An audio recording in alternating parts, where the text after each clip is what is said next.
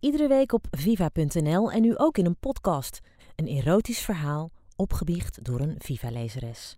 Deze week een vibrator als cadeau. Terwijl ik op mijn werk naar buiten keek, zag ik de regendruppels tegen het raam tikken.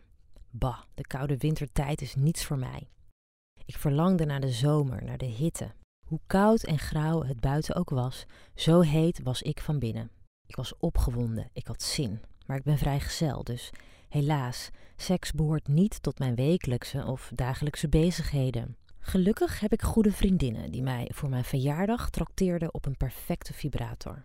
Ik haastte me naar huis en was opgelucht toen ik ontdekte dat mijn huisgenootje er nog niet was. Hell yes, nu kon ik rustig mijn gang gaan.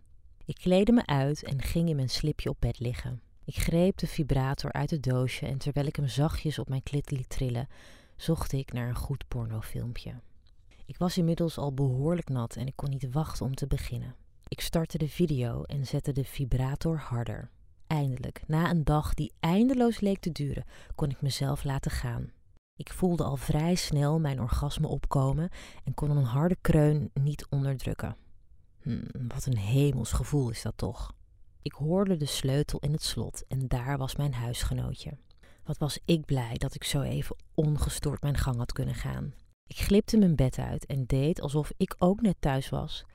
De avond vloog voorbij en het was tijd om naar bed te gaan. Zal ik nog een keer?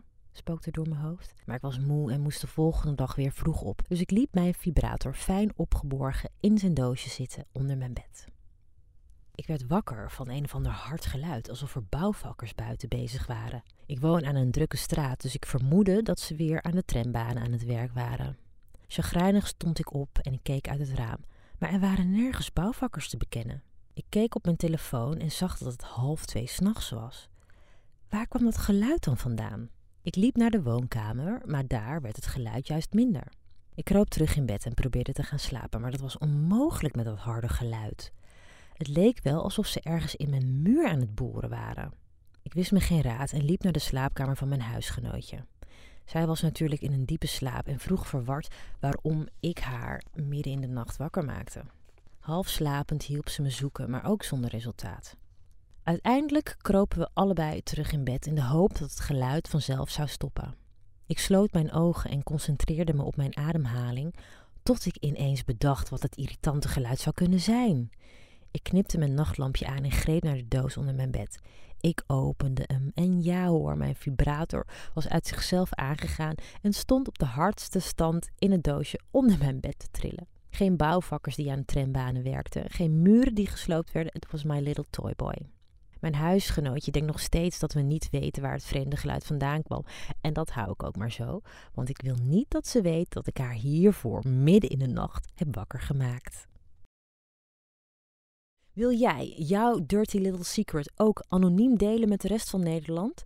Stuur je erotische verhaal, maximaal 350 woorden, naar redactie.viva.nl met Dirty Little Secret als onderwerp. De beste verhalen publiceren we op viva.nl.